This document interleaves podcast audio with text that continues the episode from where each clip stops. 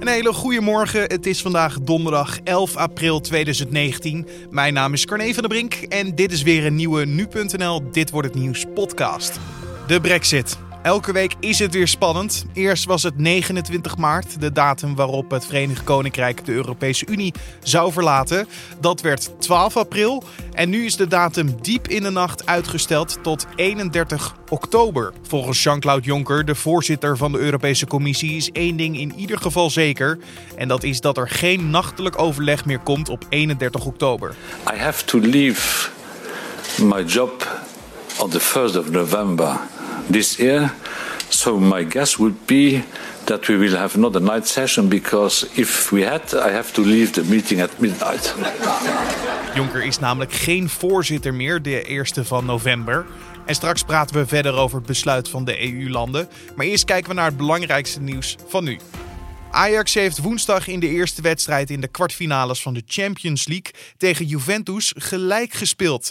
De ploeg van trainer Erik ten Hag kreeg de beste kansen, maar kwam niet verder dan 1-1. Cristiano Ronaldo kopte Juventus op slag van rust op een onverdiende, kan je wel zeggen, 0-1 voorsprong, omdat Ajax eigenlijk de betere partij was. En secondes na het aftrappen van de tweede helft maakte David Neres voor Ajax de 1-1. Marcelo Ronaldo!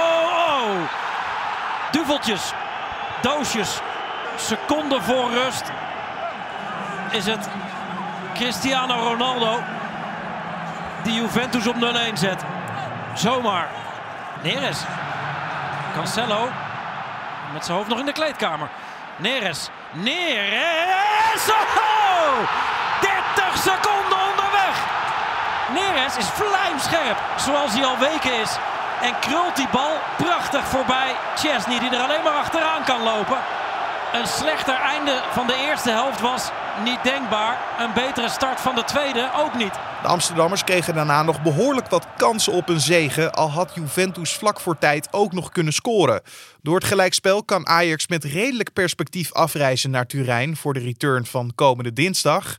De club kan zich dan voor het eerst sinds 1997 scharen bij de laatste vier van de Champions League. En gisteravond speelden niet alleen Ajax en Juventus tegen elkaar. Op hetzelfde moment speelde Manchester United thuis tegen FC Barcelona. En de conclusie na de wedstrijd is dat FC Barcelona dicht bij een plaats in de halve finales van de Champions League is. De Catalanen wonnen namelijk woensdag op Old Trafford het eerste duel in de kwartfinales tegen Manchester United met 0-1 door een eigen doelpunt van Luke Shaw. Als jongeren 20 minuten naar een laptop, tablet of smartphone hebben gekeken, moeten zij een korte kijkpauze inlassen van 20 seconden om lichamelijke problemen te voorkomen. Dat meldt het AD op basis van een plan van de GGD dat deze donderdag gelanceerd wordt op het Nederlands Congres Volksgezondheid in Utrecht. Daarnaast moeten jongeren iedere dag minstens twee uur buiten spenderen. En met het nieuwe plan hoopt de GGD de risico's van overmatig beeldschermgebruik en internetten zoveel mogelijk tegen te gaan. Een ban op laptops en tablets zou te ver gaan, vertelt een woordvoerder van de GGD aan de krant. De gezondheidsdienst meldt dat het steeds vaker door scholen wordt aangekaart, omdat de leerlingen last hebben van oogaandoeningen, overgewicht, nekklachten en aan een verstoord nachtritme. Dat zijn consequenties van overmatig beeldschermgebruik, al dus de GGD. Schrijfster Anjet van der Zel mag het Boekenweekgeschenk voor de Boekenweek van volgend jaar schrijven. Van der Zel maakt de naam met onder meer het boek Sunny Boy en werken over onder andere Annie M. G. Schmid en Prins Bernard. Van der Zijl is heel blij met de opdracht en ligt al een tipje van de sluier op. Net toen dit ter sprake kwam, was ik me aan het verdiepen in een Amerikaans-Nederlandse liefdesgeschiedenis in tijden van onderdrukking en slavernij, de 19e eeuw dus. Ik ben er inmiddels voor naar Amerika geweest en het is inderdaad een uitzonderlijk verhaal dat me bij uitstek geschikt lijkt voor het brede en hopelijk ook nieuwe publiek dat ik met dit geschenk wil bereiken. De 85ste Boekenweek vindt plaats van zaterdag 7 maart tot en met zondag 15 maart en het thema van de week wordt later onthuld. Het Internationaal Comité van het Rode Kruis en de Venezolaanse regering hebben een akkoord bereikt over humanitaire hulpverlening voor het land. Dat maakt president Nicolás Maduro vandaag bekend. Venezuela kampt al maanden met een ernstig gebrek aan voedsel, medicijnen, water en elektriciteit. In het land heerst hyperinflatie, waardoor geld praktisch waardeloos is geworden. En volgens de Verenigde Naties zijn 3,7 miljoen Venezolanen inmiddels ontvoerd. Eerdere pogingen om via vrachtwagens voedsel en andere hulp het land in te brengen, werden door de regering van Maduro tegengehouden. En dan kijken we naar de dag van vandaag, oftewel dit wordt het nieuws. Europese regeringleiders kwamen gisteravond bijeen om te praten over de Brexit. Het doel van de avond simpel: besluiten of het Verenigd Koninkrijk uitstel van de Brexit krijgt. En dat is gelukt. De nieuwe datum voor de Brexit is 31 oktober 2019, net voordat de nieuwe Europese Commissie wordt geïnstalleerd. Collega Julien Dom heeft zojuist gebeld met economieredacteur Thomas Moerman. De landen waren tot diep in de nacht in overleg, want die datum kwam er niet makkelijk. Uh, ik denk dat rond twee uur kwam er uiteindelijk het hoge woord officieel uit uh, van Donald Tusk, de, de voorzitter van de, Europese, uh, de Europese Raad. Tonight the European Council decided to grant the United Kingdom a flexible extension of the Article 50 period until the 31st of October. Uh, voorafgaand waren er nog een paar uh, EU-leiders, zoals die, de, de, de premier van Tsjechië, die zei: Ik hoop dat het niet weer heel lang duurt. Uh, nou, dat is niet gelukt. We weten dat het inmiddels ja, flink is uitgelopen, dus weer. Ja, ja het zat hem in, je zei het al, um, ja, het uitstel. Lang of kort, dat was eigenlijk de vraag. Um, dat klinkt simpeler dan het is. we hebben namelijk te maken met een aantal belangrijke data dit jaar zoals je al zei, uh, de Europese Commissie. Uh, die wordt na oktober geïnstalleerd. Uh, maar we hebben ook Europese verkiezingen eind mei. Ja, daar moet allemaal rekening mee worden gehouden met die Brexit. En dat is allemaal heel erg ingewikkeld. Voordat we naar de verkiezingen gaan, Thomas, um, eventjes eerst terug naar de woensdagavond. Tegenover wat voor Theresa May stonden de EU-leiders eigenlijk? Nou ja, we kunnen natuurlijk niet in die, in die ruimte kijken. Dus je moet het doen met ja, wat je van bronnen hoort en van, uh, ja, en van andere collega's hoort die dat ook weer van bronnen horen. Ja, wat de ingewijde uh, lekken eigenlijk naar buiten. Ja, uh, maar ze schijnt het wel goed gedaan te hebben. anders dan normaal eigenlijk.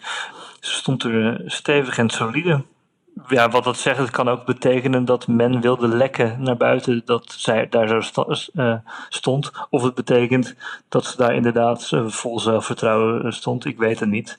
Ik weet ook niet wat we hieruit uh, kunnen uitlezen, nee, gezegd. Maar volgens ingewijden was een andere stevige partij Frankrijk. Die was namelijk vooral tegenstander, als we het mogen geloven, allemaal van een langdurig uitstel. waarom? Frankrijk heeft eigenlijk, of ja, Emmanuel Macron heeft al heel lang eigenlijk een vrij harde lijn uh, als het uh, kom, neerkomt op Brexit. Hij, wil, hij was wel echt voorstander van kort uitstel. Kort zou dan ja, het liefst tot voor de Europese verkiezingen zijn, dus 22 mei. Uh, ja, heel veel andere landen, uh, zoals Nederland, die zagen liever een, een, uitstel tot eind dit jaar. Om, omdat je hebt er ook weinig aan om de hele tijd uh, van kort uitstel naar kort uitstel te gaan. en en de vraag is ook of zo'n kort uitstel tot 20 mei realistisch is. We weten hoe dat bij het vorige uitstel was gegaan. Daar zitten we nu in. Want dan kom je inderdaad bij die Europese verkiezingen. Heet hangijzer uh, tijdens dit, bij dit hele verhaal. Um, nu 31 oktober een nieuwe datum is, betekent dat zeker dat de Britten wel mee zullen doen aan die verkiezingen? Ja, nou ja, dat, dat zullen ze moeten doen. Uh, dat is een harde voorwaarde. Anders uh, is het natuurlijk een, een, klap voor het Europees Parlement. Dan doe je alsof zij eigenlijk niks uitmaken. En dat, dat, kan, dat, dat, dat wil de EU uh, eh, natuurlijk echt niet. Wat gebeurt er eigenlijk met de Britse EU-parlementariërs op het moment dat de Britten wel uit de EU vertrekken? Is daar al iets over duidelijk? Ja, die, die, ja, die hebben dan geen EU-land meer dat ze moeten vertegenwoordigen natuurlijk. Dus dan hebben zij geen werk meer. Uh, die zetels die gaan voor een deel uh, verdwijnen die. En voor een deel uh, worden die verdeeld naar landen die nu uh, relatief weinig Europarlementariërs hebben. Dan even terug naar de Britse premier, Theresa May. Die gaat natuurlijk terug naar het Verenigd Koninkrijk.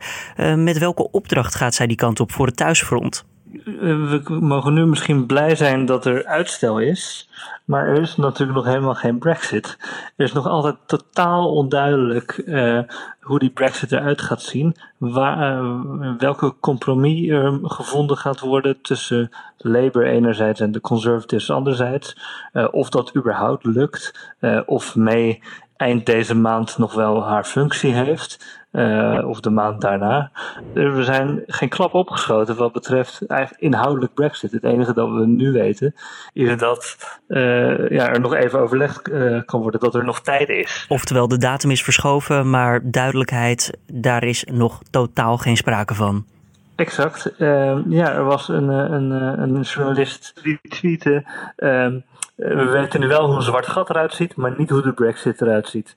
Uh, nou, volgens mij is dat een mooie samenvatting van de nieuwsdag van gisteren of, of vannacht. Thomas Moerman in gesprek met Julian Dom was dat. En later in de nacht kwam Mark Rutte ook nog met een reactie op de nieuwe Brexit-datum. Waarom nou dat uitstel verder dan 30 juni? Uh, omdat velen aan tafel de analyse maakten dat gegeven waar het nu staat in de discussie in Engeland en de ervaringen in het afgelopen half jaar het niet waarschijnlijk is dat het gaat lukken op 30 juni. Lukt het wel, eerder dan die uitsteldatum van 31 oktober, dan kunnen we eerder afscheid nemen.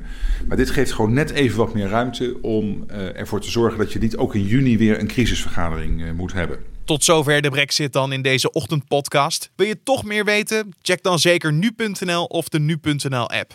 De Zuid-Koreaanse president Moon Jae-in en zijn Amerikaanse ambtgenoot Donald Trump gaan vandaag overleggen over Noord-Korea.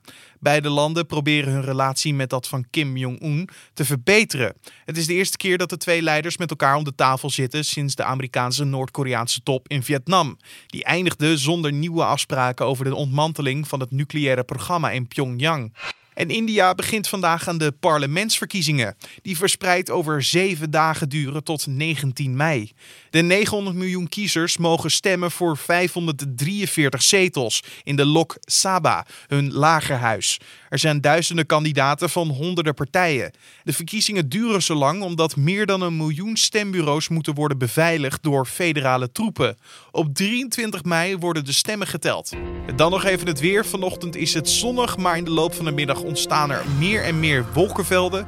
Desondanks blijft het droog en neemt de wind iets in kracht af in vergelijking met gisteren. Het wordt tussen de 7 tot 13 graden. En om af te sluiten nog even wat muzieknieuws. Want de nieuwe single van Avicii is gisteren uitgebracht, bijna een jaar na zijn dood. Het nummer heet SOS en bevat de tekst die de Zweedse DJ en producer zelf schreef. Daaruit valt af te leiden dat het op dat moment al niet zo goed met hem ging. Zo lijkt hij met dit nummer een noodkreet om hulp te slaken. Can you hear me SOS? Help me put my mind to rest. And I'm acting low. A pound of weed and a bag of blow. Fans reageren op YouTube met gemengde gevoelens op de track SOS. Aan de ene kant word ik er heel vrolijk van, aan de andere kant maakt het me verdrietig, zegt een liefhebber van zijn muziek in de reacties. SOS is onderdeel van het nieuwe album Tim, dat in juni verschijnt. Tim Berling, zoals Avicii in het echt heet, had het album grotendeels af toen hij zelfmoord pleegde. De opbrengsten van de single en het album gaan naar de Tim Berling Foundation, die is opgericht na Avicii's dood. De stichting spant zich in voor jongeren die het leven niet meer zien De DJ kampte zelf met psychische problemen en werd vorig jaar april doodgevonden in een hotelkamer. En dit was dan de Dit wordt het nieuws podcast voor deze donderdag 11 april. Je vindt de podcast van maandag tot en met vrijdag om 6 uur ochtends op de voorpagina van nu.nl. En je kan ons laten weten wat je van deze podcast vindt via een mailtje naar podcast.nu.nl of een recensie in iTunes. Mijn naam is Carne van der Brink. Ik wens je een hele mooie donderdag en tot morgen.